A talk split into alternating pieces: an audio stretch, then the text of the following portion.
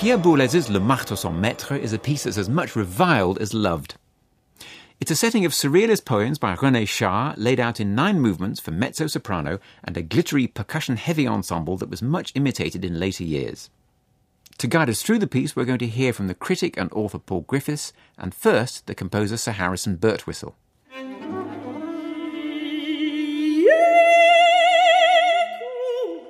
There's a voice a mezzo voice, and if you go down the line, there's a mezzo flute. So if you make the journey from the voice to music, there's a journey there. And then it goes to the viola, and the viola is then again a mezzo voice, but is capable of making pluck sounds. Yeah. The next instrument down is the guitar, which makes only pluck sounds and is also a mezzo voice. It sounds an octave lower than it's written. And then to the, uh, the vibraphone, which is then into the realm of percussion, and then into, I don't know whether it's marimba, and then pure percussion like claves and wood blocks and, and uh, bongos and things like that. So there's a sort of spectrum, and that's a sort of, for me, part of his genius is, is, is to find that where the where the instrumentation is as much part of the piece, is the concept of that, is uh, to me wonderful.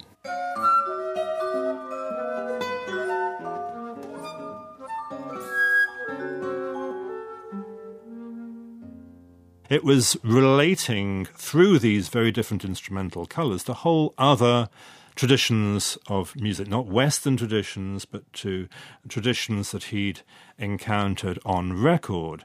As a young man, as a student, and, and as a young composer, he spent a lot of time at the Ethnographic Museum in Paris, the Musée de l'Homme, which had a, a, a large collection of recordings of music from around the world. And although he hadn't traveled very much. Uh, he had heard the music of Africa and East Asia and so on, and that's what he wanted to put into this piece. So the the vibraphone, which does these sort of resonant, metallic, almost bell-like sounds, uh, relates to the metal orchestras of Indonesia, and the xylophone, with its more hard-edged wooden resonances relates to the music of Africa.